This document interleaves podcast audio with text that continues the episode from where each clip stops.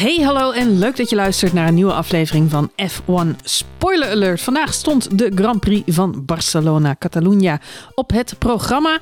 We dachten allemaal dat wordt een hele saaie race. Hier is toch alles wel getest, gezegd en gedaan.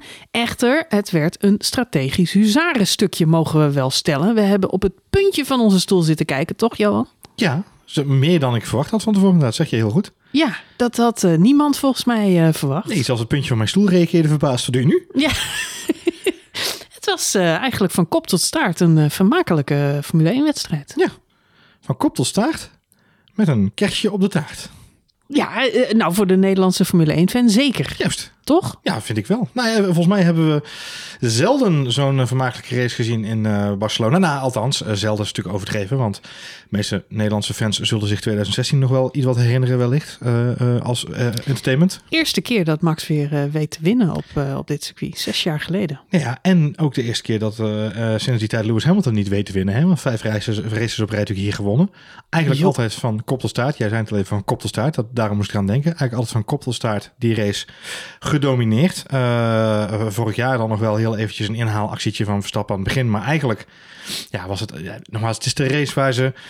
Volgens mij de meeste harde schijven vol met data bij hebben van alle testen. Dus eh, eh, volgens mij is dat hele Dropbox van alle teams vol, vol met informatie. Dus ehm, ja, je verwacht natuurlijk niet dat het een hele spannende race gaat worden in de beginnen. Maar ja, dit is 2022, Marjolein.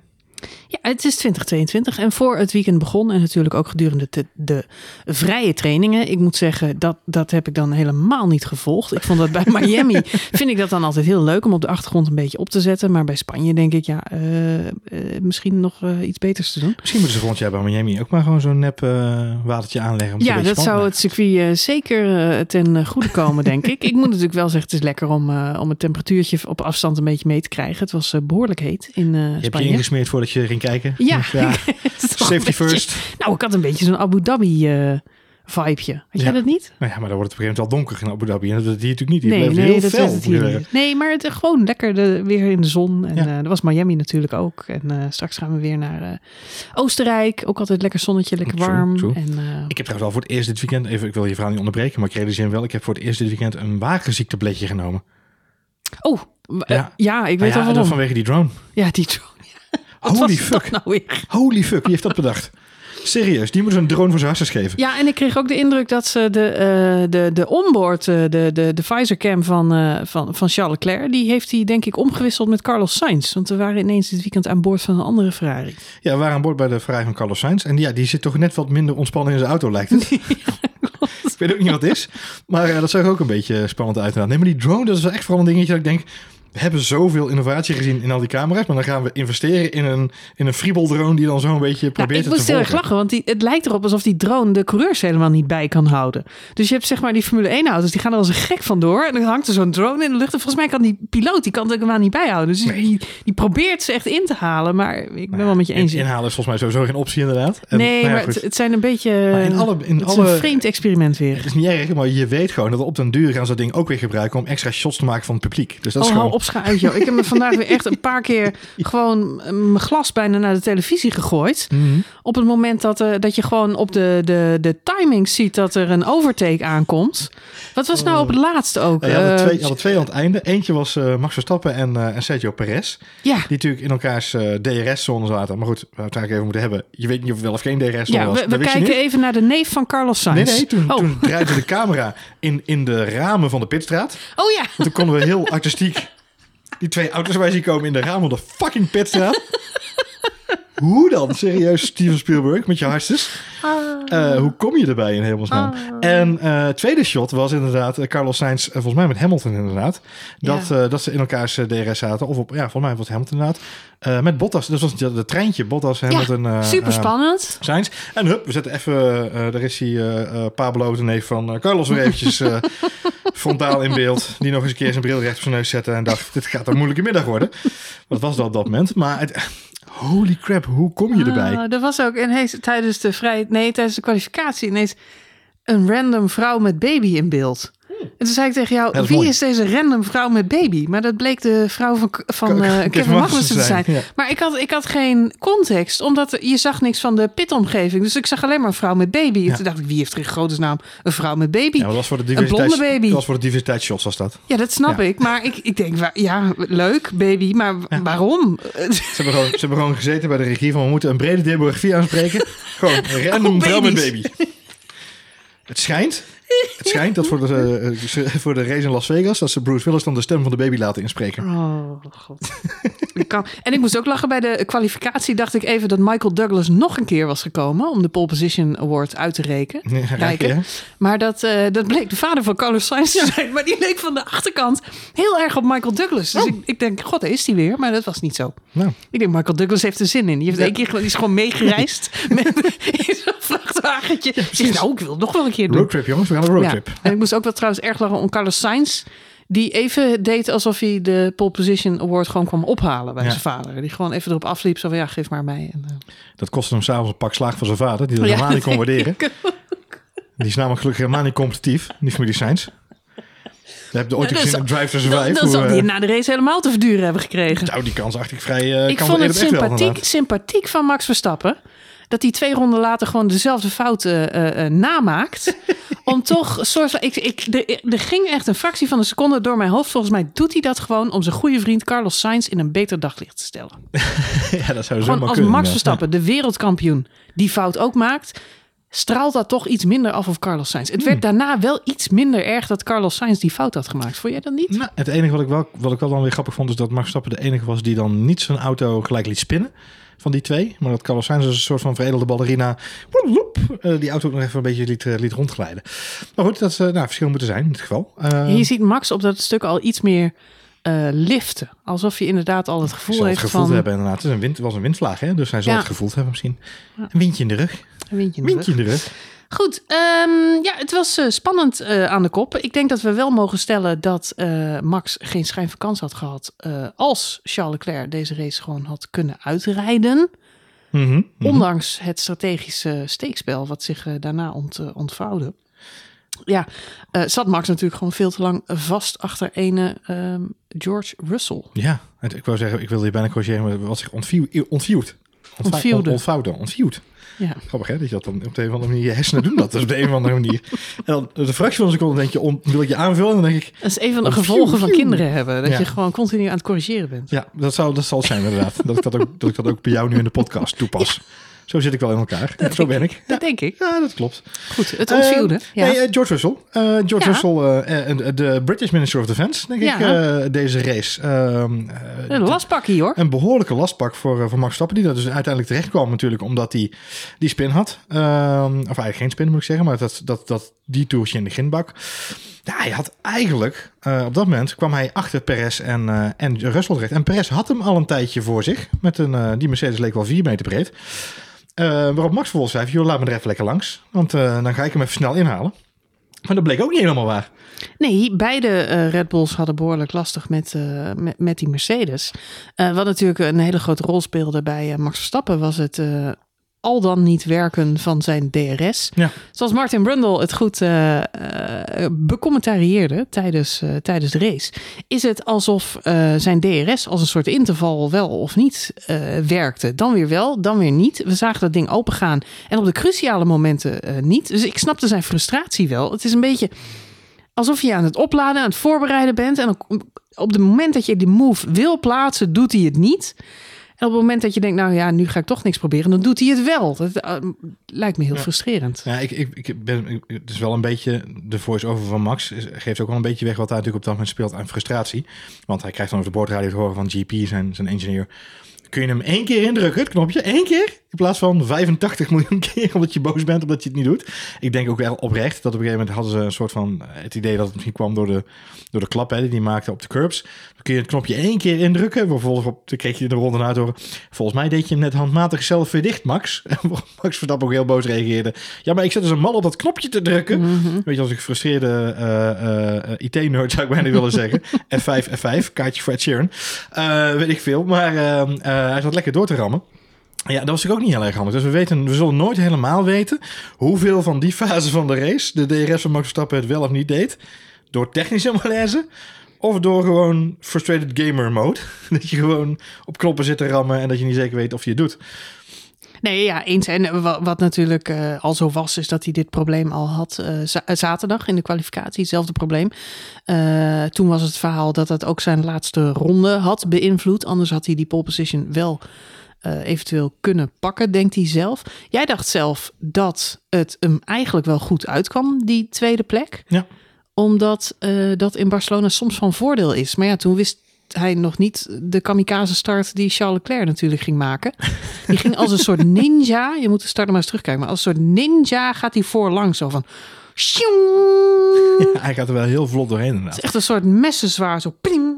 Ik snij je gewoon uh, de pas af. Ik ga helemaal naar rechts. Het, uh, het voordeel van Barcelona... En dat is het voordeel op meer uh, circuits in de wereld... is dat het, het, het stuk vanaf P2 is beter ingerubberd op de een of andere manier. Dus daar had hij wat voordeel kunnen hebben qua grip.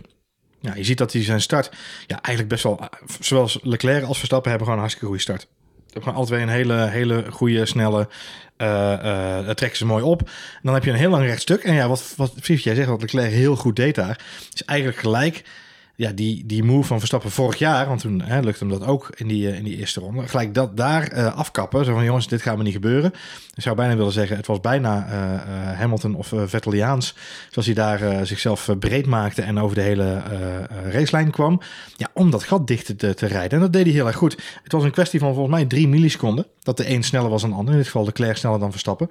Um, was het andersom geweest, dan had Verstappen ervoor gezeten. Ja, dat was toch wel een... die, die, die start was nog eens crucialer dan, dan misschien gedacht hadden. Dus vandaar dat ik dacht, P2, moi, niet erg. Uh, en, en naarmate ik er meer over ging nadenken, denk ik, het zou zomaar kunnen dat hij het bijna bewust heeft gedaan. Zodat hij gewoon in de vrije lucht met meer rubber kan optrekken inderdaad. Maar het mocht niet baten helaas. Nee, het pakte niet zo uit. En Charles Leclerc reed natuurlijk lekker weg. Nou was het nog vrij vroeg in de wedstrijd dat uh, Max zijn uh, incidentje had en van de baan schoot. Dat kost ja. hem wel gelijk dan 10 seconden. En hij zit achter twee andere auto's. Is dan wel zijn eigen teamgenoot, maar dus ook George Russell. Waar die niet aan voorbij komt. Op dat moment besluit Red Bull natuurlijk om ja, eigenlijk een pitstop-strategietje er tegenaan te gooien. Ja. Uh, wat op meerdere manieren interessant is. Want één wordt het gebruikt om uiteindelijk voor George Russell te komen. Maar twee wordt het ook gebruikt om uh, voor Sergio Perez te komen. En daarmee voorkomen ze eigenlijk dat Red Bull teamorders hoeft te geven. Ja, ja, feitelijk wel. Alhoewel dat natuurlijk voor Sergio Perez vrij evident was dat daar, uh, dat daar wel strategisch een bepaalde afweging gemaakt was natuurlijk bij het opstellen van deze twee plannen. Um, ja, wat je inderdaad heel goed zag, en jij zei het al gelijk bij eigenlijk de eerste, de eerste pitstop uh, die gemaakt werd toen Max uiteindelijk uh, achter George Russell en, en voor Sergio Perez zat. Um, op dat moment meldt Sergio Perez al over de boordradio. Zegt, joh, haal Max voor me weg, want ik heb verse banden. Dan haal ik ze, hè, ik kan ze alle twee gewoon sneller inhalen dan kan ik door. Uh, hij zit op dat moment op twee seconden achter Max of zo. En Max zit op dat moment nog steeds achter die DRS te flipflappen met, dat, met die DRS die hij niet wil. Um, en Max gaat niet en, en wil niet. Um, en ja, ja, ik denk dat ze bij Red Bull even twee seconden met elkaar uh, ook contact hebben gemaakt. Ga jij het hem vragen of ga ik het hem vragen? Vergeet niet dat Jos ook rondliep in de pits. Ja, hè? Ik denk, dus ik denk, ik denk dat iedereen nee, die call niet wilde maken. Cointos is Jos in de buurt. Is dit die achter de... Hè, want we willen... Nou, goed, en een terecht overigens hoor. Want het is de wereldkampioen die gaat ja, vragen om Natuurlijk niet. Natuurlijk ga je hem er niet langs. Nee, laten we wel wezen. Kijk naar de snelheden. Kijk naar de tijden. Uh, Sergio Perez die zit daarvoor al, ik weet niet, ronde na ronde vast achter diezelfde George Russell. En het is hartstikke leuk dat hij op dat moment snellere banden had. Uh, maar het is toch vaak Sergio Perez die ja, geen deuk in een pakje boter kan slaan. Nee. Ondanks dat hij goed rijdt hoor, maar ik vind het een typische nummer vier. Uh, en soms mag hij een podiumpje meepakken. Ja. Alleen hij, heeft, hij, heeft, ja, hij is nog niet zo goed als Max Verstappen. Nee, dat, dat, dat, en dat heeft hij ook natuurlijk de afgelopen en jaren. Ga je, je gaat niet daar wereldkampioen mee proberen te worden. Nou, zeker niet op het moment dat dan daarvoor, hè, in dit, deze hele discussie, gaan we wel of niet, wat gaan we doen, moet je aan de kant of niet, mm -hmm. valt ene Charles Leclerc ineens stil. Ja, dat maakt een groot verschil. En dan gaat het niet ineens alleen maar om P2 of P3, maar dan gaat het ineens om de overwinning van deze race. Ja, ja. En, en wat je dan dus heel snel ziet, en dat was eigenlijk het knappe van deze, van deze uh, wisseling van pitstops, die strategie, de strategische keuzes die ze gemaakt hebben in dat hele korte tijdsframe, is ze trekken op dat moment heel snel Max naar binnen uh, om nieuwe softs te halen. Daarmee weet je, daar gaat hij de einde van de race niet meer redden. Want hij gaat even snel spieken Hij gaat uiteindelijk gaat hij uh, in ronde 29 naar binnen. Nou, dan zijn, er, zijn we nog ah, net dus op de helft. Ook wat jij zegt, is ook een manier om hem weg te halen bij, bij Perez. Want ze laten hem inderdaad nog twee ronden voor Perez rondrijden. Die begint een beetje te morren en te klagen. En die zegt, ik wil er langs. En op dat moment wordt Max naar binnen gehaald. Zo van, nou, dan kan hij daar ook van niks meer van zeggen. We gaan het niet vragen, maar we gaan een nee. strategie toepassen. Nee, precies. en, en terecht, en dat pakt goed uit. Max gaat naar binnen. Uh, Perez haalt vervolgens twee ronden later soeverein uh, George Russell in met DRS op het rechtstuk. Met inderdaad veel meer grip. Ja, veel meer goed gedaan. DRS uitrem pracht daar. Dus die kan daar um, soepeltjes voorbij. Nou, Max komt dan naar buiten op nieuwe softslofjes. Ja, die is bliksemsnel. En die is onketend. Die rijdt gewoon weer naar die kopgroep toe. Ja. Dus dat, dat maakt deze race uiteindelijk ook zo uh, leuk. Want uh, ja, er is veel gezegd, Barcelona mag je niks van verwachten. Alleen wat we eigenlijk deze Grand Prix zien, is dat een race echt wel interessant wordt als je het over twee of zelfs drie stoppers hebt. Ja. Want dat maakte het uiteindelijk heel spannend dat die coureurs niet in niemandsland rijden, wat we in het verleden heel vaak zagen. Ik weet nog Pierre Gasly en Lando Norris, die kon Max Verstappen zelf, ja. die konden echt op een vierde of vijfde plek gewoon de hele race in hun eentje rijden. Het toffe van Barcelona nu is dat je door die pitstopstrategie en door die verschillende banden uh, de, de, verschillen waren groot. Hè? Je hebt het over jongens die uh, eh, 1,29 reden. En Max Verstappen die 1,26 reed. Dat zijn, dat zijn drie seconden per rondje verschil. Ja, hij ja dan zit je heel snel weer bij een bepaald groepje. Hij reed super snel terug naar die kop inderdaad. Uh, mooiste moment wat mij betreft, en volgens mij gaan we die nog wel een keer ergens terugzien in een, in een jaaroverzicht. Max Verstappen komt uit de pits achter Valtteri Bottas. Ja. En pakt dan Valtteri Bottas buitenom op een plek, volgens mij bocht 12. Maar ja, dat, dat, dat, verwacht je gewoon niet, die Hashtag plek. gewoon rustig. Hashtag gewoon rustig, inderdaad. Ja. Dat was een hele gecontroleerde en wel gedecideerde move. En ook niet bij de, bij de minste, hè, want ook Valtteri Bottas kan best wel een potje verdedigen of, of het lastig maken. Die zullen we zeker terugzien in Drive to Survive. Zullen we daar een wetje op leggen? Ja, en dan kort daarna knippen ze terug naar de blote billen van Bottas en zeggen ze ja, dat voelde echt niet fijn. Nee.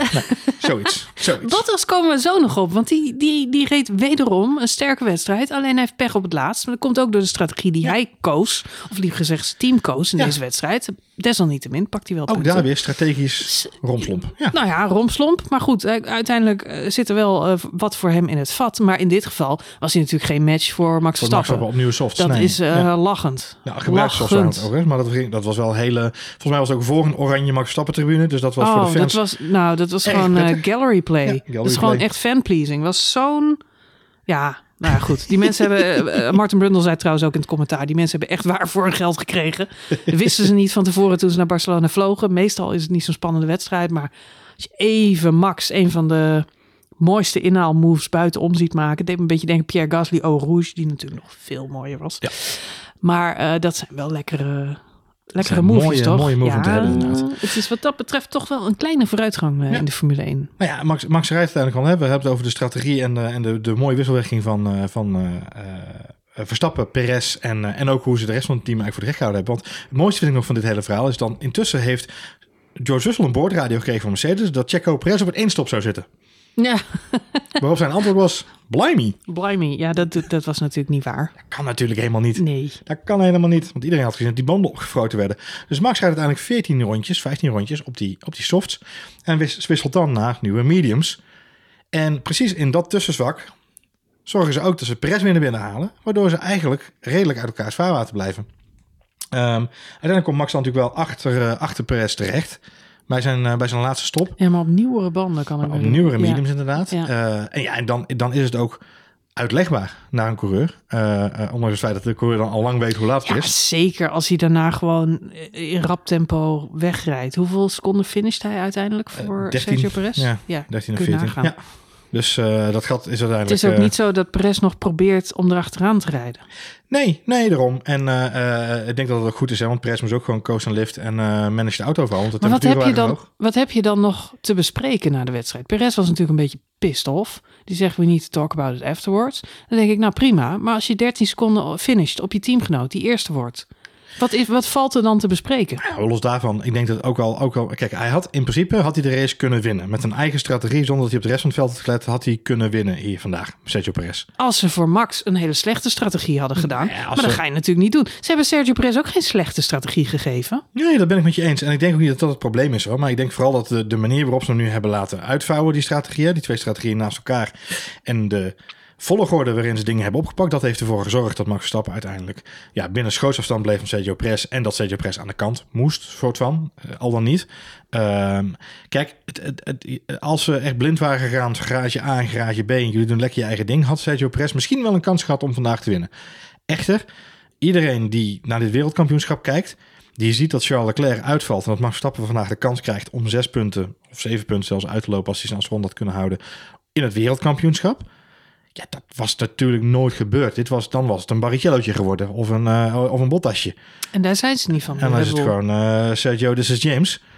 I've switched teams. um, want ik vind het leuk om dit soort belletjes te plegen. nee, maar dan had hij gewoon, dan had hij aan de kant, dan was hij aan de kant geblaft. Ja. En dat is ook niet leuk. Nee, dat is niet leuk. Dat zullen ze alle tijden willen voorkomen. Dus Echt, ja. ik, ik, ik, denk niet dat ze daar overwinningen of 1-2's voor uh, op het spel zouden uh, zetten. Uh, maar ik moet zeggen dat ik wel heel erg geniet altijd van dit soort races, waar, waarin het gaat om deze strategie. Het is, ze zien dat, ze, dat Max vastzit achter George Russell. Daar valt dan op een gegeven moment ook niks aan te doen. Overigens, wat hoopgevend was in dat hele ophoudschandaal. Uh, Ophoudschandaal. Uh, ja, nou ja, hashtag. hashtag uh, Je wil Flavio Briatore de schuld geven. Nee. Flavio was er ook al, dus... Ophoudschandaal. Op, Hij liep niet fris kruk, hoor. Ophoudgate. Ik, nou goed, Russell Verstappen. Ja. Um, is het feit dat ze op dat moment wel ontzettend snel waren. Ze reden 1,27er, sliepen in op Charles Leclerc. Wat ik opvallend vond, is dat Charles Leclerc heel laat pitten. Dus ik was toch ook wel benieuwd geweest als Charles Leclerc... Charles... Charles. Charles, Charles. Um, deze race wel had uitgereden... was ik ook nog wel benieuwd geweest of Ferrari ja, strategisch ook uh, het wel had bol gewerkt. Maar dat ja, is ook nog... Ja, we zullen het nooit weten, maar... Het is moeilijk. Het is, het is, het is een HBTF'je in dat geval. Uh, daar moet je, die kaart moet je dan gewoon spelen in dit geval. Het was opvallend hoeveel tijd uh, Charles Leclerc verloor. En dat zag je ook, want hij heeft nog wel gepit voordat hij uitviel. En zat op dat moment een stuk uh, dichter voor de, de groep uh, George Russell, uh, Max Verstappen. Ja. Dus die hadden toch weer aansluiting kunnen ja, vinden. Maar hij reed ook wel weer weg met, met Leclerc. Ja, ja nou goed, terug, opnieuw, op nieuwe banden was hij natuurlijk precies. wel een stuk sneller ze weer. kwamen terug op 8, 9 seconden uit mijn hoofd. En, en hij reed zo weer naar 13, 14 seconden. Maar je ziet dat bij Ferrari op dat moment, ja, dat is, dat is hoog spel op dat moment. En, en dat is de vraag hoe je daarmee omgaat. Je ziet bij Carlos Sainz, als je dan een beetje zou willen oreren over hoe dat zou kunnen, willen nadenken, filosoferen. Dan zou je kunnen kijken naar wat ze bij Carlos Sainz hebben gedaan. Die halen ze uiteindelijk naar binnen twee keer extra. of eigenlijk één keer, één keer echt extra om op nieuwe softs te zetten. Um, maar die wordt eigenlijk voorbij gereden door Lewis Hamilton. En het is dat Lewis Hamilton uiteindelijk met een motorprobleem te maken krijgt. Maar anders was Carlos Sainz op de vijfde plek geëindigd. Terwijl hij eigenlijk de hele race op plek 4, 5, 6 rond aan het rijden was. Ja, dan... Hij was natuurlijk wel een stukje teruggevallen. Hij, ja, moest wel ja. hij moest wel terugkomen inderdaad. Maar hij, hij pitte op een gegeven moment een aantal keren terug van 5 naar 6. Uh, en van 6 naar 8. En uh, hij was eigenlijk wel on the way up. Hij, was, hij reed, had een vierde plek in het vierde. Nou, het is hem uiteindelijk ook geworden. Maar die is hem wel enigszins in de schoot geworpen. Omdat natuurlijk Lewis Hamilton met problemen zat. Uh, maar goed, voor Carlos ja, dan zie ik dat hebben ze toch ook wel een beetje lopen goochelen met strategie. Om te kijken van hoe kunnen we nou het beste uit laten pakken. En onderaan de streep, als Mercedes geen motorprobleem had gehad, was Carlos vijfde geworden in plaats van vierde. Dus ja, de, de vraag is HBTF. Wat zouden ze hebben gedaan? Uh, ja, dat is, dat is plan A, B, C, D of E. Ja. Een van die vier. Nu we het toch over Ferrari hebben en HBTF, het blijft toch Ferrari. Um, standen er goed voor dit weekend. Rijden natuurlijk een uh, hele indrukwekkende kwalificatie en ook vrije training. In alle opzichten de snelste auto op de baan. Um, veel dingen, denk ik, om tevreden over te zijn. Zo verwoordde uh, Charles Leclerc na afloop ook in de interviews. Ik laat mijn hoofd niet hangen, want de snelheid is er wel en de race pace is er ook. En de banden deden het eigenlijk veel beter dan we hadden verwacht. Echter, er is wel een hele kostbare uitvalbeurt vandaag. Voor het kampioenschap zeer zeker, aan beide kanten. Voor Charles Leclerc betekent het inderdaad gewoon uh, terug naar P2. Ineens sta je dan uh, uh, zes punten achter op Max Verstappen. Maar vooral in het constructiekampioenschap is dat een hele heftige klap die eruit deelt. Dus ook al kun je er zeggen, het valt wel mee. Maar we gaan toch ineens naar een stand waarbij Red Bull uh, 26 punten voorsprong heeft op Dat is een groot verschil. Uh, daar waar het gat voorheen nog uh, zes punten in het voordeel was van, uh, van de Scuderia. Dus ehm, ja, dat is een pittige uitvalbeurt. Zeker als je het bekijkt ehm, in het licht van Binotto's nou ja, opgewekte uh, teleurstelling uh, in, in, Miami, hè, waarin hij zei van we hebben veel om uh, blij om over te zijn. Kijk, die kaart kun je maar een aantal keren per jaar spelen, wat mij betreft. En je kunt nu ook weer zeggen, ja, we staan er goed voor en het was fijn. En uh, de, de upgrades werken waren snelste auto dit weekend. Aan de andere kant, je grootste concurrent had dit weekend daadwerkelijk helemaal niks meegenomen. En had zelfs besloten om zijn DRS thuis te laten. Dus um, Ja, en laten we Mercedes niet vergeten, want volgens de boordradio was Lewis de snelste man op uh, de baan. Nou ja, en da daar wil ik straks zeker nog wat over zeggen, want het zou me niet verbazen als het ook echt zo was, gezien zijn, uh, zijn tempo in de laatste fase van de race. Uh, maar met name inderdaad, we, we, hebben het er vaak over gehad van wat, wat een seizoen voor Mercedes, maar gewoon derde in het constructeurskampioenschap, 120 punten. forse achterstand op, op Ferrari van 49 punten. Maar dan nog, weet je, we, we kunnen wel zeggen, ze draaien niet lekker mee zijn, maar ze, ze staan gewoon derde. George Russell, dit seizoen, alle races in de top 5 geëindigd voor Mercedes. Uh, en dan kun je zeggen, het is een drama-seizoen voor Mercedes. Maar aan de andere kant valt ook wel mee. Want ja, weet je, ondanks het feit dat het allemaal niet uh, top, uh, top of is wat ze presteren, of wat ze hebben aan hardware of hoe het dan allemaal werkt, hè, als je Lewis Hamilton gelooft, wordt het steeds beter. Nou, dat zie je ook wel terug. Um, Miami was een soort van valse, uh, valse alarm. Maar ik zeg, dit weekend zaten ze er toch echt lekker bij. Met z'n, met z'n, en met z'n tweeën wat mij betreft. Uh, ondanks het feit dat het dan voor Lewis vandaag een ongelukkige race was. Maar ja, dan moet je je toch gaan zorgen maken bij Ferrari. Van laten we niet hopen dat het in de tweede seizoen zelf een, een, een drieslag wordt. Het kan allemaal nog bergafwaarts gaan vanaf hier, zeg jij. Ja, maar ook voor Red Bull, hè, dat voorgesteld. Want kijk, mijn frustratie bij Red Bull is het feit dat nu de DRS het weer niet doet. Nu doet het flappetje het weer niet. Was natuurlijk vorig jaar ook al zo.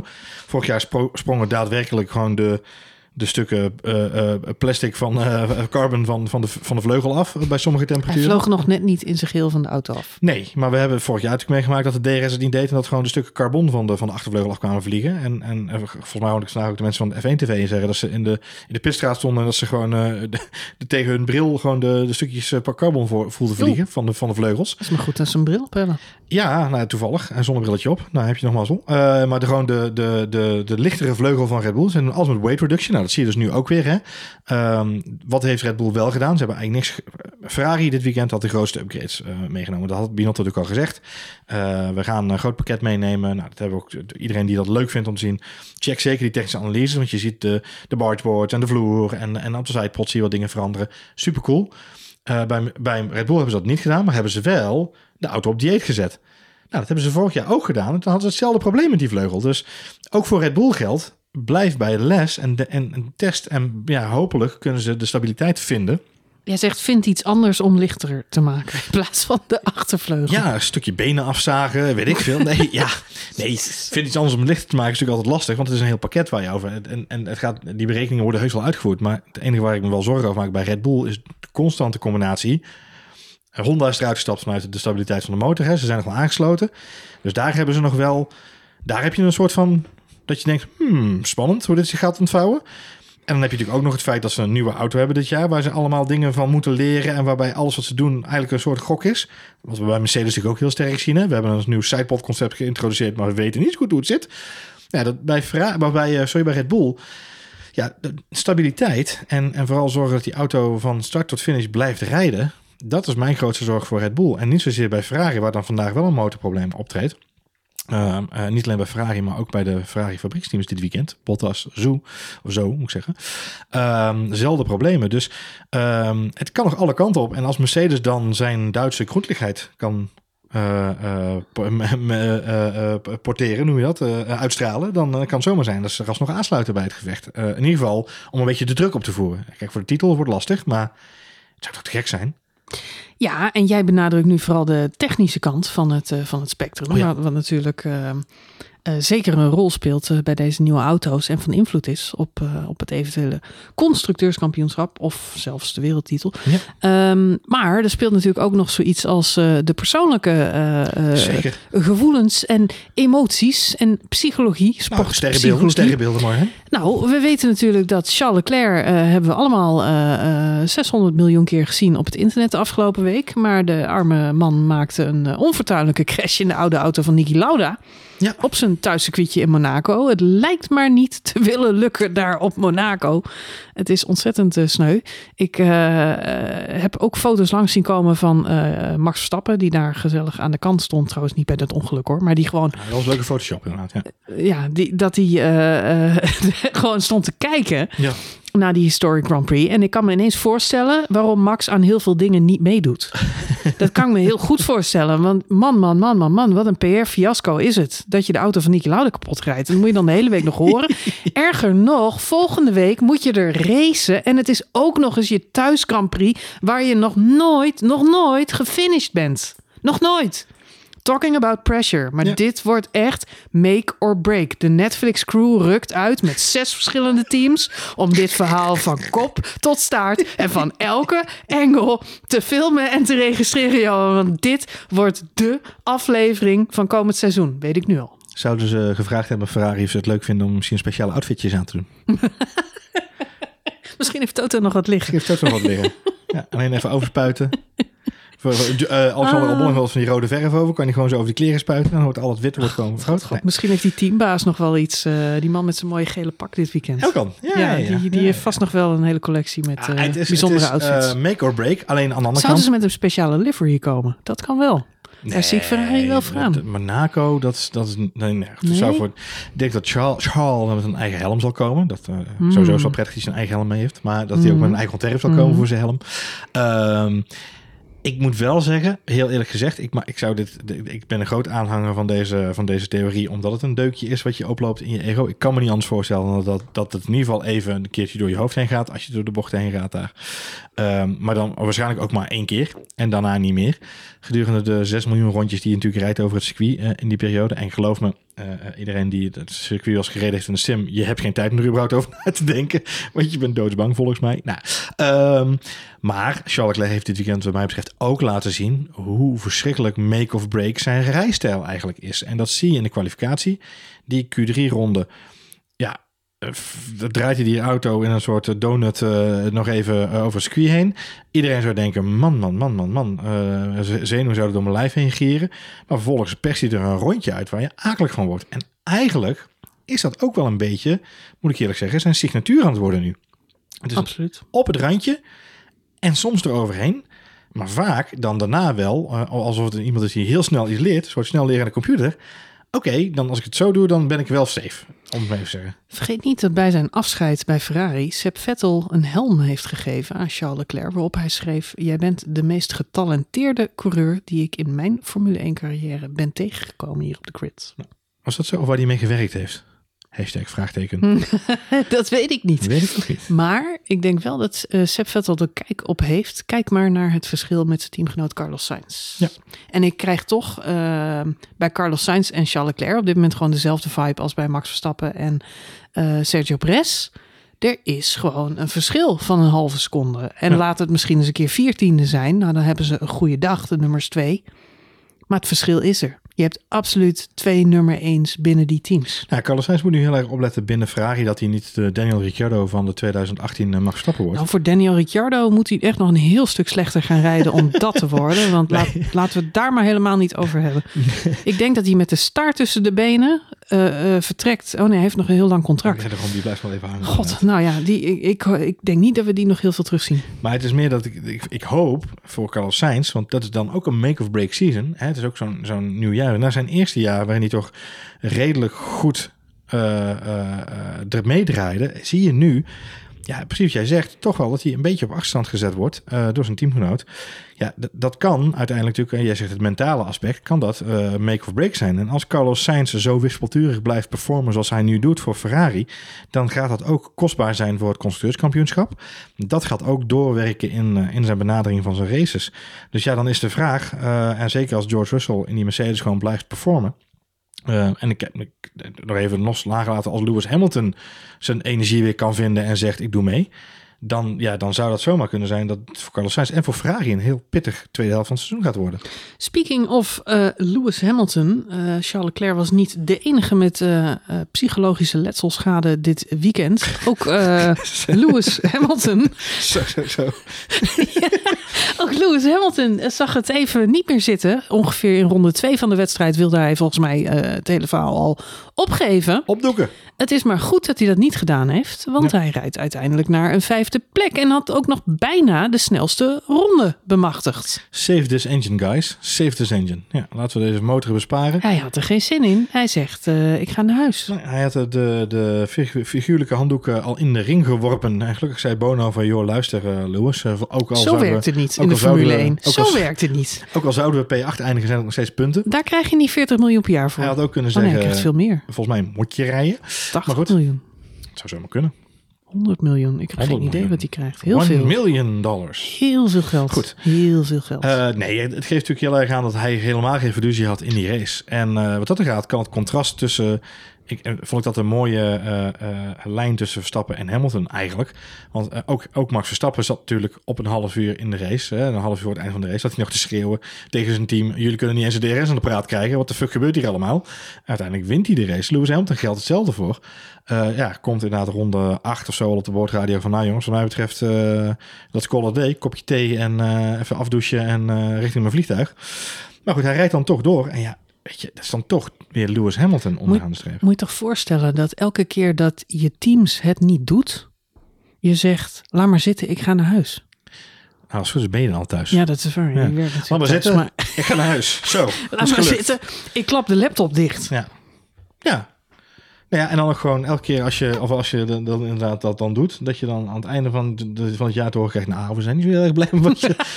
Functioneringsgesprek, niet zo goed. Nee. Niet zo goed, hoop minnetjes. Hoe vind je het zelf gaan? Hoe vind je het zelf? Gaan, ja? Nou, dat, dat, nou ja, dat weet ik niet, want ik ben er meestal niet. Nou, nee, kijk, eh, ja, ik snap Lewis Hamilton wel. Want het was natuurlijk een, een, een rare situatie. Hij had een dijk van de start, Lewis Hamilton. Eh, of eigenlijk had Carlos Sainz gewoon een hele slechte start. Eh, waardoor hij Niet de eerste keer. kiekeboe even bij Carlos Sainz kwam kijken. Daar moest hij terug. Hij moest uitwijken. Eh, hij kon niet Sainz voorbij eh, in die eerste bochtcombinatie. En dan komt daar in één keer als een, een deentje uit een doosje... komt daar ineens Kev Magnussen aan eh, zeilen. Nou, volgens mij had Lewis Hamilton iets wat onderstuur. En Magnussen stuurt gewoon in. kan daar vrij weinig doen. Als ik, ik heb de, de, de boordvideo's nog niet tot in detail helemaal teruggekeken. Maar je ziet bij Lewis Hamilton wat glijden en, en Magnussen wat insturen. Nou, hup, boom, touché. De ene in grind, de andere met een lekker band. Ja, moment dacht hij dat zijn race gevlogen was. En hij rijdt ook gewoon echt stijf achteraan op dat moment. P18, eh, P19. Ehm, en als je het aan mij vraagt, ik had niet verwacht dat hij daarna nog, eh, eh, nog vijfde en eigenlijk vierde zou zijn geworden in deze race. Hij wordt uiteindelijk uitgeroepen tot driver of the day. Vond je dat terecht? Ja, 100%. Dit is echt. nou, we hebben het hier heel vaak over gehad over Lewis Hamilton. Over het feit dat hij in staat is om, als hij de juiste auto heeft of de juiste omstandigheden, dat hij iets heel unieks kan doen. Ik denk dat als je van helemaal achteraan het veld met een lekke band en inderdaad flink de P erin. En laten we vooropstellen, hij zal ook nog wel wat schade hebben aan zijn auto. Hè, want er zal ook nog wat, wat downforce puntjes verloren zijn links en rechts. Ehm, dat je dan nog, alsnog in staat bent, ook met de strategie van je team, dat vooropgesteld, maar dan terug te knokken tot eigenlijk P4. En dan heb je hè, hardware malaise, moet je, moet je de auto laten koelen en word je alsnog teruggepakt. Maar feitelijk had hij dus vanuit P20 voor mijn gemak, voor het gemak even terug kunnen rijden naar, naar P4. Nou, dat, dat is een unieke prestatie. En zeker in een race als deze, waarin er zoveel gebeurt en er ook in het middenveld zoveel geknokt werd. Zijn antagonist in dit verhaal, om even een eh, Wauw. ingewikkeld woord eh, erin te slingeren, was natuurlijk Kevin Magnussen. Ja. Die ook een dijk van een start moet hebben gemaakt. Ja. Dat hij ineens naast Lewis Hamilton eh, zat. Ik ben even kwijt op welke positie die precies startte. Maar het feit Mhm. dat hij zich aan de kop kon mengen om het, eh, het gevecht om plek 4-5. eh, betekent dat hij er weer heel goed bij zat. Dat weten Ja. we natuurlijk van K-Mac. Dat hij hele goede starts kan maken. ja, vier plekken inderdaad. Ja. Ja, ja, uiteraard, of uiteraard, uiteindelijk rijdt hij zelf een hele ja, matige wedstrijd. Komt niet verder dan plek 17. 17 inderdaad. Ja. Eén na Ja. laatste. ja, klopt. Dus weet zich niet te herstellen. Nee, ik weet ook niet wat de schade was die hij aan zijn auto heeft. Ik heb nog geen, nog geen eh, interviews met, met, met K-Mac teruggelezen. Ik denk ook vloerschade, want hij gaat daar het grind in op een gegeven moment. Eh, dus ik denk dat hij behoorlijk wat downforce eh, eh, kwijt was aan zijn auto. Nou ja, je ziet dat dan die haas niet in staat is om, eh, om terug te knokken. Ehm, wat op zich wel weer een soort van logisch is. Wat zonde is, want ze zaten er goed bij. Hetzelfde geldt voor zijn teamgenoot Mick Schumacher. Leek af te stevenen op wederom zijn eerste punt. Ja, arme Mick. Maar ja, zat op hele oude banden, hele oude banden. Eh, dus ook de strategie laat hem daar aan het einde van de race toch een beetje in de steek. Want dan wordt hij alsnog ingehaald door eh, onder andere Seb Vettel en ook Tsunoda natuurlijk. Ja, en Gasly en Ricciardo. Ja, Hij gaat uiteindelijk van P9 helemaal terug Och, naar, hij eh, zakt nog verder terug. naar P14 Ik heb de laatste ronde niet eens meer opgeschreven. Dramatisch. Arme Mick. Arme Mick. Ja, nee, Ja. het was eh, eh, dikke vette pech voor Mick in plaats van dikke Mick. Ja. Nee, hij zakt helemaal terug van P9 naar P14 uiteindelijk. En eh, eh, ja, puur strategisch. Met dat vooruit, eh, met, de- met die kennis in, in je achterhoofd, snap je ook wel waarom het voor iemand die met een auto van K-Mac eh, achteraan rijdt, hè, Kevin Magnussen, dat hij dan ook het niet lukt om helemaal terug naar voren te knokken. weer. Dat is ook vrij logisch. Ze zullen daar echt, vind ik, op strategie nog wel wat eh, meters eh, moeten maken. Soms heeft Haas een gelukje, juist door veel risico te nemen. Het is een beetje alsof zij af en toe een, noem je dat ook alweer, in, een Hail Mary. Heel merk. Een Hail Mary. Ja. Dat doen ze bij Haas vaker. Of dat uit het Amerikaanse sportideologie komt bij hun, dat weet ik niet. Maar ehm, Schietgebedje. Oei, Je doet iets en een schietgebedje. ja, nou ja, het, is, het komt uit, leg jij het even uit, want jij bent Ja, voetbal. Voetbalkenner. Ja, nee, maar het zitten, er zitten meer sporten hoor. Maar bij Amerika voetbal heb je inderdaad de Hail Mary. Dan gooi je gewoon de bal Een lange bal naar voren. zo ver mogelijk, Zo ver hoog mogelijk naar voren. En hopelijk vangt iemand hem inderdaad. In de Champions League finale zien we hem vast ook weer voorbij komen. Ja, iemand schiet een bal en eh schiet een beetje dat hij in de kruising komt. Ja. En dat is vaak de strategie van, eh, van Haas. En Hm. in de praktijk betekent dat dat ze bijvoorbeeld naar binnen gaan onder een safety car of juist niet. Of ze blijven heel lang buiten. Ze proberen een eenstopper te maken. Als iedereen naar binnen gaat in de regen, dan blijven zij juist buiten. Het, het is vaak eh, iets in die orde van grootte. En soms levert ze dat de gladiolen op en dat is geweldig. Maar in veel En soms gevallen dood. is het ook, is het, pakt het niet goed uit. En dat is, nou ja, om maar even het vergelijk te maken met Lewis Hamilton. Die rijdt op diezelfde laatste plek samen met Kevin Magnussen. Uiteindelijk vijfde. ja, maar daar zit wel ook de kracht van het team. Ik moet, zeggen, als Ja. iemand de dood van gladiolen gebruikt, zie ik Louis Vergaal voor me. Maar dat is een andere vrouw. Der dood! Der Tod! Oort de gladiolen. Top man. Ik ben zo blij dat die man nog steeds in de coacherij rondloopt. Dat is een ander wel. Nee, eh, maar daar, daar zie je de kracht van het team ook terugkomen bij Lewis Hamilton. Hè? Dus dat je hebt een, een insane goede coureur. Want laten we daarvan hè, vooral nog met elkaar nog een keer benadrukken. Een insane goede coureur die dan in, het, in een dip zit. Maar dan wel de knop kan laten omzetten door zijn team. Maar ook in zijn eigen, in zijn eigen kunnen. Om die stap naar voren te maken. En eh, nou ja, goed, we moeten zo nog even hebben over, eh, over pechgevallen. Valtteri Bottas is ook een voorbeeld van. Iemand die gewoon in staat is om een hele goede stabiele race te rijden. Maar als dan je team net niet meewerkt, nou, het, het geeft eigenlijk wat mij betreft heel erg goed aan. Met name 4, 5, 6 en ook 7, Esteban Ocon, Alpine. Ehm, eh, als je team bij Alpine goed meewerkt, dan kun je hele mooie stappen naar voren maken. En als je dat niet doet, die nuances zijn zo verschrikkelijk klein dit jaar. Dat inderdaad, als je team besluit om je op een twee stopper te zetten, terwijl het hele veld op drie stops gaat, ja, dan kost je dat gewoon je vierde plek. Want laten we eerlijk zijn, Valtteri Bottas had vandaag gewoon vierde kunnen worden. Ja, knap hè? Als hij gewoon in een, eh, in een goede strategie had gezeten. Maar dat zat hij ook niet. Nee, nee, ja, sterker nog, als George Russell nog, eh, nog problemen had gekregen, dan had hij gewoon op het podium gestaan. En dan, en dan zijn de gaten ineens eh, 16 seconden. 16 seconden op, eh, op Carlos Sainz. Eh 13, sorry. Ja, dus dat is gewoon behoorlijk, behoorlijk gat wat dan ineens eh, eh, valt. Ja, dat, en dat komt door die oude banden. Hij reed gewoon ontzettend lang door op die gele band. Oude mediums. Eh, ja. ja, dat is... eh, nee, maar Lewis Hamilton... hij zei het ook over de boordradio volgens mij ook, hè? Dat het eh, volgens mij verkeerde keuze gemaakt strategisch. Ja, Bottas. de- de- deze strategie werkt niet lekker voor ons, zei hij, Nee. maar heel subtiel inderdaad. Nee, en dat is een hele mooie om te. Maar weet je nogmaals, dus eh, Lewis Hamilton, ja, team in de griffel en terecht driver of the day wat mij betreft. Want daar kwamen we vandaan. Maar moet wel afleren de handdoek zo snel in de ring te gooien. Ja, maar tegelijkertijd Iets ook weer niet, want dat zorgt ervoor dat zijn team ook anders naar hem gaat werken. Dus ik, ik vraag me altijd af, Ja, wat, wat, wat is dan het karakter? Kijk, bij, bij Mercedes weten ze natuurlijk dus ook wel wie, met, met, wie ze te ja maken hoe hebben. ze emotioneel met hem om moeten gaan, weten ze volgens mij heel goed. Juist. En het feit dat hij dus dit doet, maar daarna wel dus door zijn team gecoacht wordt naar P5, is wat mij betreft ook geeft gewoon heel erg goed aan dat ze heel goed weten hoe ze de persoon, de mens, hè, want daar wil je hè, techniek en de Mhm, mens, mhm. daar draait het de Formule 1 om, ehm, hoe ze de mens ook kunnen stimuleren tot betere prestaties. Nou, dat, dat, wat mij betreft is dat een voorbeeld van vandaag. En eh, het kwartje moet ook wel jouw kant op vallen, hè, voor hetzelfde geld. ehm, zit hij in een lastig gevecht met eh, Gasly of komt hij weer eens een keer niet voorbij, Gasly of met Ricciardo in een, eh, in een moeilijke eh, setup. Maar goed, het, het viel zijn kant op. Ook door de, de pitstrategie van andere teams heeft hij ook veel plekken kunnen winnen zonder echt Hij, wordt, hij wordt goed geholpen, inderdaad. En, en dat Ja. zorgt ervoor dat hij ook in de swing komt. Ja, dat vind ik heel knap. Dus eh, nee, eh, terecht de driver of the day. En ook mooi dat het een keer iemand buiten de top 3 is.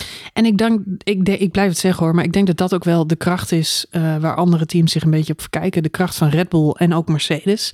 Jarenlang allebei gestreden om het wereldkampioenschap. Je ziet dat ze tactisch sterk zijn, maar ik denk wat jij zegt, dat klopt ook wel. Ze schatten ook goed in wat de emoties van hun coureur op dat moment zijn en hoe ze daar tactisch het best op in kunnen spelen. Want dat gebeurt bij Lewis Hamilton. Door hem eigenlijk vrije ruimte te geven, lucht, goede pitstopstrategie. En ik weet het, er zit allemaal big data achter. Er zitten allemaal mensen in, in, in Engeland en Red Bull hetzelfde verhaal. Die zijn het allemaal aan het berekenen. En dan komt er iemand met een briefje en die zegt van dit is wat we moeten gaan doen. En, ehm, en dat wordt dan uitgevoerd. Bij Max Verstappen zien we hetzelfde. Want die gast was hartstikke gefrustreerd. Achter George Russell was boos, was kwaad. Zijn auto werkte niet. Hij is boos op het team op dat moment. Ze kunnen hem daar niet gelijk weghalen, maar dat doen ze op, op zeker moment wel. Geven hem rode banden en laten hem racen. En dat is precies wat Max op dat moment nodig heeft om zijn Ja. frustratie kwijt te raken. Die snelheid, het feit dat hij weer eh, de kopgroep dichterbij ziet komen. Dat hij zelf daarop inloopt. Dat hij dat gat kleiner ziet worden. Dat is exact de, de power boost die Max Verstappen op dat moment nodig heeft. Om weer te geloven in Ja. winst Wat er mogelijk is. van die wedstrijd. En hetzelfde geldt eigenlijk ook nog voor Sergio Perez. Waar we het net al over hadden.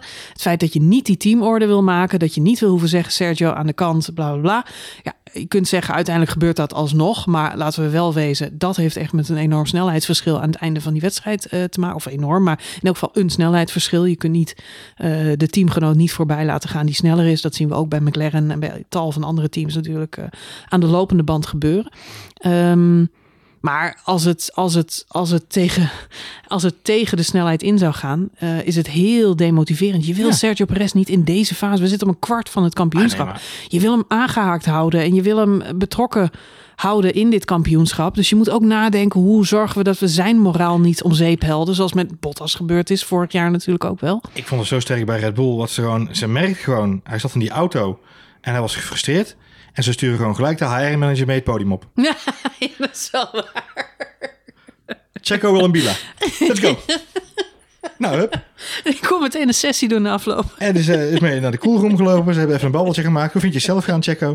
Ik, ik stuur een Wat dame mee en dan gedragen ze Wat zich. zijn je highs en lows van deze wedstrijd? Precies. Wil je het hebben over je begeleiding? Oh. Nou, en daarna hebben ze nog samen geborreld op het podium. Het was een compleet mooi plaatje van een teamdag. Ja. Zo gewoon op de HR-manager mee. Ja. Gelijk tackelen het probleem. Ja, nee, hebben ze goed gedaan. Slim, eh, slimme zet van eh, Christine Horner. Ehm, nou, genoeg over eh, Red Bull, Ferrari en natuurlijk ook Mercedes. Waren er nog andere hoogtepunten van de wedstrijd? Ik begreep na afloop dat Lando Norris zich niet lekker voelde. Die is eh, meermaals getest op corona. Dat was niet het geval, maar hij heeft een keelontsteking. Bleef na afloop van de wedstrijd. Hele slechte conditie, slecht geslapen. Ja, die zag ook echt hoesten. uit inderdaad. Want Die was gewoon niet Je lekker wilde eh, in gewoon een kopje thee in naar bed. Ja, kopje thee naar bed. Daarvoor moest hij wel eerst zijn teamgenoot naar huis rijden. Dat is hem weer gelukt. Ja, dat is hem weer gelukt, want Ja. hij pakt prachtige punten op de negende plek. Nou, Precies. prachtig, maar het zijn er in elk geval weer eh, twee. Nou, ze tellen weer mee voor McLaren. Ja. Dat is toch belangrijk. Precies. Ja, ik maakte net een grapje over Daniel Ricciardo, maar het gaat niet zo goed met Daniel Ricciardo. Kunnen we toch wel stellen? Het Nee, dat kunnen we is vaststellen. een beetje onaardig, maar Ja. het is wel eh, Ja, de waarheid. Het is, eh, het is eh, de vraag waar het, waar het in zit voor, eh, voor Ricciardo. En nogmaals, als hij in een goede auto zit, dan weten we allemaal hoe snel die kan zijn. Daar bestaat geen twijfel over volgens mij. Maar het is ook een van de meest kwetsbare personen als het gaat om mentale weerbaarheid. Ondanks het feit dat hij altijd de light of the party is. En dat hij altijd de grote glimlach is die iedereen vrolijk maakt. Ja, achter dat masker gaat toch... zeg je nou dat dit wel. de clown met de tranen is, Johan? Dit is de Ben Kramer van zijn generatie, oh, ja. Oh, arme Daniel. Ja, maar nee, maar, dus, nee, maar dat heeft hij zelfs ook meermaals bewezen. En ook in zijn, eh, in zijn eh, eh, benadering van races. En ja, Nou, Monaco dit jaar kan niet slechter gaan dan vorig jaar. Hoop nou, ik. ja, voor daag hem hem. niet uit. Daag hem niet uit, ja. Je weet het niet. Je weet het niet. Je weet het niet. Het zou toch, niet weet je wat ik leuk zou vinden als Mick Schumacher een keer goed zou doen op Monaco? En punten zou Ik zou het sowieso leuk vinden als Mick Schumacher eindelijk zijn eerste punten Ik zou het heel leuk Ja, vinden als Mick Dat Schumacher zou ik heel erg waardevol vinden. Nee, wat ik eh, leuk vind en nog heel even om over te hebben is eh, eh, twee dingetjes. Ja, Ehm, en eigenlijk is het ene een brugje naar het andere. Ik vond de oud-wereldkampioen, nou ja, Lewis Hamilton hebben we het even over gehad. eh dijk van de prestatie. Fernando Alonso Fernando. van achteraan naar P9. Fernando. Wat een race van de Spanjaard. Ja, thuispubliek. eh, thuis, thuis, thuis Grand Prix'tje natuurlijk. Je zag dat hij in zijn element was op eh, zijn thuisgrond. Thuisgrond, ja niet helemaal. het is van. natuurlijk, ja, maar het is meer zijn thuisgrond dan van Carlos Sainz. Want Carlos Sainz komt uit Madrid, toch? Ja, die kant op inderdaad, ja. ja. Eh, is Alonso wel een echte... Noorden, Noorden Ba- Ba- Bask volgens mij uit mijn hoofd. Ja. Ah. Dus even dubbelcheck volgens mij. Oviedo, toch? Ik weet het niet, maar is het een Catalaan? Want eh, Nee, dat is geen wel. Catalaan, volgens mij. Oh, oké. Nee, Want dat nee. is natuurlijk wel een. Hij komt eh, vanuit Ov- Oviedo. Als ik me goed Ah, herinner. Dus dat is oké. volgens mij Basken, Baskenland. Nee, ja, goed, maar bij, bij eh, Carlos Sainz eh, zit het eh eh Het Spaanse. Madrileense bloed zit hoog, ja, zeggen. dat, nou ja, dat is Hij was wel, maar zelf eh, wel bij de ene- Champions eh, League vanuit het eh, voetbal toch wel enige comp- competitieve strijd. Nee, uh, Fernando is, uh, is uh, maar heeft natuurlijk, de, de, volgens mij was het, het verhaal ook een beetje dat Barcelona natuurlijk van, van, van, jarenlang gewoon Fernando-land was, omdat daar gewoon de Spaanse Grand Prix gereden werd en daar gingen alle, alle Fernando-fans heen. En zeker in zijn Renault-tijd stond het daar gewoon ramvol met blauwe petjes, blauw met gele petjes. Ja, en nu waren dat een heleboel rode petjes, kan ik je vertellen. dat was over, zeker opvallend. Overigens hoorde ik een leuke fun fact, maar dat is even ongerelateerd en dan gaan we door met waar ik het over wil hebben. Maar ik hoorde deze week ook dat gebleken is dat de fanbase van Sergio Perez verantwoordelijk is voor een derde van alle merchandise sales van Red Bull Racing op dit moment. Sergio Perez? Ja, de fanbase van Sergio Perez. Holy een crap. derde van alle merchandise sales. Ja, maar dat betekent dat Max twee derde doet. nee, dat maar, zie je, dat zie je maar ja, nee. als je je bedenkt hoe verschrikkelijk veel mensen in Nederland fans zijn van Max Verstappen en een petje of een shirt hebben en naar de Grand Prix gaan en van dit weekend ook weer, daar op de Spaanse tribunes. Is het nog steeds bijzonder knap dat een derde van alle verkopen Sergio Perez zijn? Ja, het is echt heel insane. Het is echt heel insane inderdaad. Uh, nee, het andere, de andere oud-wereldkampioen waar ik het heel snel even wil hebben was Sepp Vettel. Die weliswaar glorieus buiten de punten eindigt. Maar uh, natuurlijk dit weekend wel te maken had met een, een, nieuwe Aston Martin. Niet alleen een nieuw kleurtje, maar ook een nieuw vormpje. Daar was natuurlijk een aanloop naar het weekend heel veel over te doen. Want het was een beetje een kopie van de Red Bull.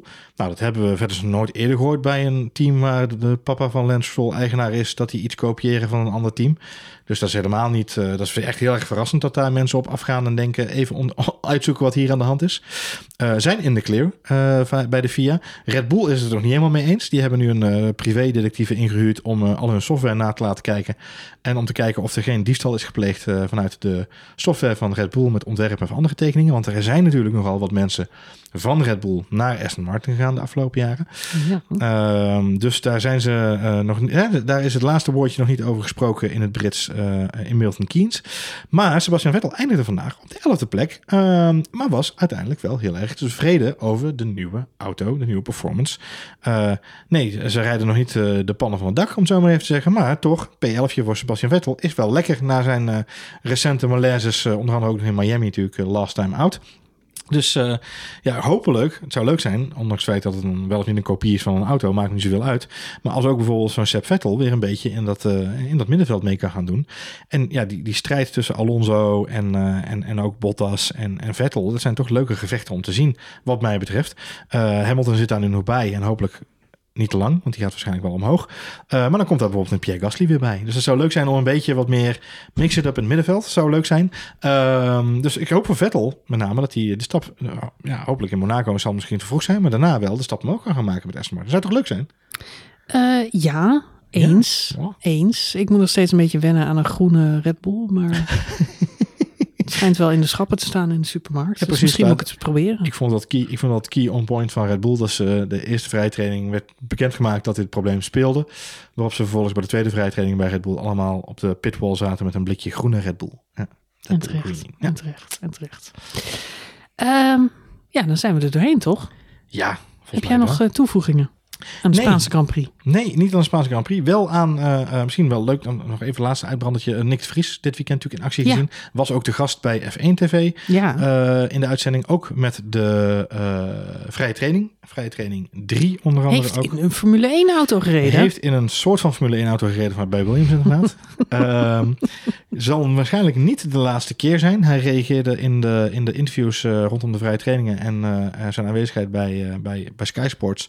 Reageerde hij met een smurk, met een glimlach uh, op de vele uh, hints die er uh, gedropt werden van hey, kom je nog een keer terug, kom je nog een keer terug. Het gerucht gaat natuurlijk dat de Nederlandse F2 en Formule E kampioen eventueel zou aansluiten bij Williams en misschien al zelfs dit seizoen.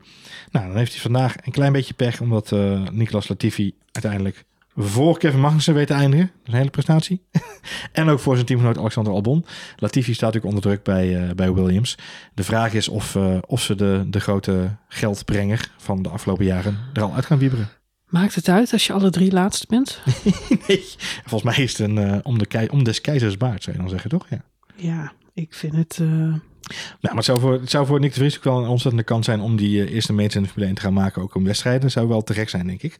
Eh, en het feit dat je bij Williams wel kunt groeien en kunt leren, dat hebben zowel Valtteri Bottas als, eh, als George Russell laten zien natuurlijk de afgelopen jaren. absoluut. Dus ik, ik gun het hem zeker om, om daar misschien wat meer tot wasdom te komen. Dat zou nog eens wat zijn. Dat Nick de Vries uiteindelijk bij Mercedes terechtkomt... en strijdt tegen Max Verstappen bij Red Bull.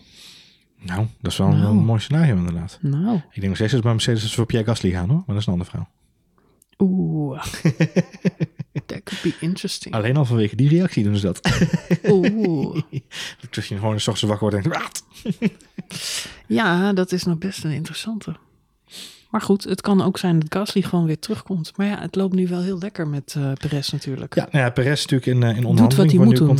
Ja. En eh, doet vandaag ook gewoon keurig wat hij moet doen. Met de nodige politieke En weerstand. Zonder dat hij te dicht in de buurt komt van Max Verstappen. En we weten van Pierre Gasly dat hij ook niet heel dicht in de buurt komt van Max Verstappen. Dat zal hij ook niet doen als hij terugkeert, denk ik. Dus Nee, nou goed. Aan de andere kant, eh, op dit moment laat Pierre Gasly nog niet zien waarom hij in die Red Bull zou moeten zitten. Nou nee, ligt dat dit- misschien ook een beetje aan de ja. auto. Aan de andere kant, Yuki Tsunoda eindigt vandaag gewoon keurig op de eh, tiende plek. Haalt gewoon puntjes binnen. Dus ehm, 10 en 13. goed gedaan van eh, Tsunoda. En ook eh, inderdaad van Alonso, wat jij eh, net zei. Ocon trouwens, mogen we niet vergeten. Nee, maakt de top 10 compleet. Dus beide Renaults, beide Alpines moet ik zeggen, zitten er weer. toch wel aardig bij. Wat goed nieuws voor ze is, want door de bank genomen wordt gezegd... als je het op Barcelona goed doet, dan is dat ook wel een beetje een graadmeter voor de rest van het seizoen. ja, zeggen ze inderdaad wel. Behalve dan Monaco, want dat is de grote uitzondering op alles. Nou, het leuke is wel van Alpine, Alfa Romeo en Mercedes dat ze gewoon binnen elk- bij elkaar in afstand blijven. Dus dat middenveld is echt heel dicht bij elkaar gekomen. Eh, sorry, met McLaren bedoel ik. McLaren op 50 punten, eh, Alfa Romeo op 39 punten en Alpine op 34 punten. Dus die drie die gaan met z'n drietjes wel eh, ja, ve- vechten om P4 in het kampioenschap, denk ik. En dan is ja, Haas zit daar gewoon met Alfa Tauri. Haas eh 15 punten, Alfa Tauri 17 punten. Ehm, ook gewoon dicht bij elkaar. Wie had dat verwacht vorig jaar, aan, aan het einde van het seizoen, dat we eh, eh, Haas op P8 in de kampioenschap zouden hebben. eh, en Aston Martin op een schamele P9 met slechts zes puntjes op dit moment. Ja, dat is niet best. Dat is niet best. Nee. Wat wel grappig is dat we voor het eerst dus hebben in, eh, in, in een aantal jaren volgens mij dat alle tiende teams op dit moment punten hebben. Ja, inderdaad, ja. Dus dat is eh, een Goed nieuws. goed- Goeie goed nieuws. Zo vroeg in het seizoen ook al. Dat Ja, meer. nee, Ja. absoluut, daar ben ik helemaal met je eens. En eh, laten we inderdaad hopen dat, eh, dat die teams in de achterhoede nog een beetje aansluiting kunnen vinden. Want dat is juist wat dit seizoen zo interessant maakt. En verder houden wij straks natuurlijk ook de driver-markt Ja, weer goed in de gaten. Want Ja. Vettel heeft er alweer op gehind dat hij nog steeds wel voor ogen heeft ooit terug te keren bij Red Bull. silly season. Dus vlak hem niet uit. Nee, maar ze zoeken straks wel iemand die gewoon die eh, stuntauto rond kan rijden voor die filmpjes. Dus dat kan Sepp Vettel lekker gaan doen. En dan zetten ze er een elektromotortje voor hem in, want hij wil natuurlijk klimaatneutraal uh, Ja. wil hier rondrobbelen. Dus dan En zetten ze er een en elektromotortje in. Eh, behalve dan in de Formule 1. Want het is geen Formule E. Zo moeten we het dan ook wel weer zeggen. Nou, misschien zorgt Sebastian Vettel wel voor een, de opkomst van een Formule E-team van Red Bull. Wat zou je daarvan vinden? Nou, dat zou heel interessant zijn. Ik zie hem iets dergelijks nog wel doen in de toekomst, ja. Als hij dan, eh, eh, ja, kan hij misschien met Albon weer aan de slag. Want die, eh, ja, misschien is het ook wel leuk om naar de Formule E te gaan weer terug. Je weet het niet. Mooi, we gaan het zien. Genoeg in het vat. Wat eerst in het vat zit, is de Grand Prix van Monaco. Monaco. Die is al gelijk volgend weekend. Dus hou je agenda vrij. Zaterdag, de kwalificatie, is eigenlijk het moment dat je moet kijken. Want eh, daar worden de punten verdeeld. Kunnen we wel stellen. Want als je niet op pole position staat of je crasht hem er vanaf. En je moet achteraan finishen, zoals in dit geval Fernando Alonso. Of na de eerste bocht Lewis Hamilton. Hm? Dan kun je die race wel zo'n beetje op je buik schrijven. en dan en ben ik met Lewis Hamilton eens. Kun je beter de pits De bewaren. Ja. En lekker op een bootje een flesje bubbels opentrekken. Dit Kimi ook ooit, toch? Ja, groot gelijk had hij. geef misschien ongelijk. Nee. Dat geef ik zeker niet. Dus eh, zaterdag allemaal. Eh, de agenda's eh, blokken en kijk die kwalificatie. Want daar zal het er echt om gaan spannen. Zeker. En ja, de race is dan een beetje een, het is zeker ook een weekend om de vrije trainingen te kijken. Want daar is ook eh, alles staat onder hoogspanning op Monaco. Dus eh, het kan van alles gebeuren. Ik ben heel benieuwd. En wat ik leuk vond, eh, dan nog een klein uitbrand, is dat er een heleboel teams gingen rijden naar Monaco vanuit Barcelona. Kijk, Om, in de elektrische auto. dat weet ik dan niet, maar eh, dat, is misschien wel. Maar ah, dit is een beetje zoals in the good old days met de camperbusjes. Camperbusjes gaan ze door. In de en, eh, 70s. het was natuurlijk ook wel een onderwerp dit hele weekend. Hè? Dus de nieuwe kalender wordt natuurlijk geformuleerd voor volgend jaar. En daar willen ze ook echt Ik heb het altijd. Je reinste onzin gevonden dat ze van Canada naar Spanje naar eh Maleisië vliegen. Het slaat nergens op. Nee, en dat is nu het mooie ervan. Is dat, eh, en dat is ook de aanleiding dat Ocon het ook eh, aangaf. Want hij zei ook van ja, we, rijden nu met de auto naar, naar Monaco. Want dat kan gewoon. En dat is een stuk beter voor het milieu. Ehm, dan met z'n allen in een vliegtuig. En eigenlijk in de, in de zijlijn daarvan is natuurlijk nu zijn de onderhandelingen bezig over de kalender van 2023. En dan willen ze ook echt met continentblokken gaan werken. Dat heeft niks te maken met dat je naar de wc moet. Maar dat heeft te maken met het feit dat ze de mensen, als ze in een deel van de wereld zijn, dat ze daar ook de races weer bij elkaar willen gaan clusteren. En zorgen dat je niet van Brazilië naar eh, Abu Dhabi vliegt en van Abu Dhabi weer naar eh, eh, de andere kant van de wereld. Hè? Je zei inderdaad. Canada, Monaco, wat is het? K- Canada, ja, Canada, Barcelona, Monaco was vroeger een beetje de volgorde volgens mij. Mm. Ja, dat is gewoon insane als je erover nadenkt. Ja. Nee, dat is ontzettend. En gelukkig bij een paar races is het natuurlijk al zo. Want Spa en Zandvoort staan back-to-back. Dus dat kunnen Ja, ze ook gewoon. komt daar achteraan. Ja, kunnen ze ook gewoon lekker met, de auto doen. Ja. Dus eh, ja, nee, klopt. Je kunt van Zandvoort prima naar Spa rijden. En vanuit daar weer door naar Italië. Doen ze wel andersom hoor. Want Doen de anders meeste zijn ze, Nederlanders zijn ze, anders zijn ze verkeerd om. Dus ze moeten van Spa naar Zandvoort en dan naar Italië. Want anders dan staan ze bij de verkeerde race. Dat is toch Och, logisch. je hebt gelijk. Ja, Ik, ik dacht even dat de volgorde goed was. Maar de volgorde is helemaal niet goed. Nee. Maar, maar dat is een behoorlijk lange omweg, eh, Johan. Ja, want dan sta je ineens bij de verkeerde, bij de verkeerde, bij de verkeerde circuit. Bonjour. Mij viel wel op vorig jaar, toen, eh, want wij zien de trucks langskomen bij ons eh, bij, bij kantoor. Ja. En ehm, eh, de, de, de hele week rijdt het af en aan. Eigenlijk een week van tevoren komt het allemaal binnen en sommige dingen pas een paar dagen later. Op de ochtend na de race is bijna alles alweer weg. Ja. Dus in de nacht vertrekken ze eigenlijk al. Ja, zij hebben de, nachtschema's inderdaad. En dat is ook de reden waarom die kalender natuurlijk zo'n issue was. Omdat Ja. ze dus s'nachts al afbouwen. De coureurs stappen in een vliegtuig of in een auto of in een trein en ze zijn weer weg. Maar het team blijft daar dus tot, eh, tot middernacht weg. En zij moeten om vier uur s'nachts, hebben zij al in de auto zitten en rijden ze alweer weg. Het zijn net podcastmakers, Johan. Het zijn net Die podcastmakers. gaan altijd maar door. Maar nu gaan we ermee ophouden. Eh, heel erg bedankt voor het luisteren naar deze aflevering van Spoiler Alert. Volgend weekend zijn we er dus gewoon weer met de Grand Prix van Monaco. Daarna is het even pauze. Ehm, als er in de eh, tussentijd eh, belangrijke zaken zijn, dan kunnen jullie dat melden op onze Twitter-account. Ja, dat is at F1 Spoiler Alert. Of in onze Telegram-chat. Dat is de F1 Spoiler Alert chat. Eh, en dat was het. En dat was hem. Einde dienstmededeling. We hebben ook een Facebookpagina als je zo wil hoor. Ja. We hebben ook een Facebookpagina. ja, die doet het ook. Facebook. Facebook. Je Facebook. Jij dacht het is Grote blauwe F. 2022, laten we beginnen met Facebook. Nee, Dat zijn wel heel lang geleden Oh. ooit bekend mee begonnen. Maar ik doe niet zo heel gek veel mee. Oh, oké. Maar we beetje. hebben ook een Facebook. We hebben hem ook. Als je nou echt zegt, ik wil heel graag in Facebook nog iets zien. Ik hoor daar niet bij, maar misschien andere mensen wel. Nee, ik wou zeggen, ik, wou, ik, wou, ik wou een grap maken, maar dat ga ik niet doen. Nee. Goed, eh, we gaan ook voor afronden. het eerst. Ja, nee, ja, meestal maak ik het wel, maar Ja? het is niet altijd goed. Eh, we gaan eh, afronden. Ja, dat zeg je Ehm, nou al drie keer, maar ga je nee, nou ook een keer nee, ja, nu ga ik, ik ga even naar die Facebookpagina Nee, kijken. Ik ben wel benieuwd. Nee, nee, jij moet ophangen. Ik ben wel benieuwd. Ik heb nog nooit gekeken op de Facebookpagina. Ik ga even kijken. Weet je je inlog nog voor Facebook? Nee, Ik ook niet. Ik heb Nee. hem tot eh, volgende week.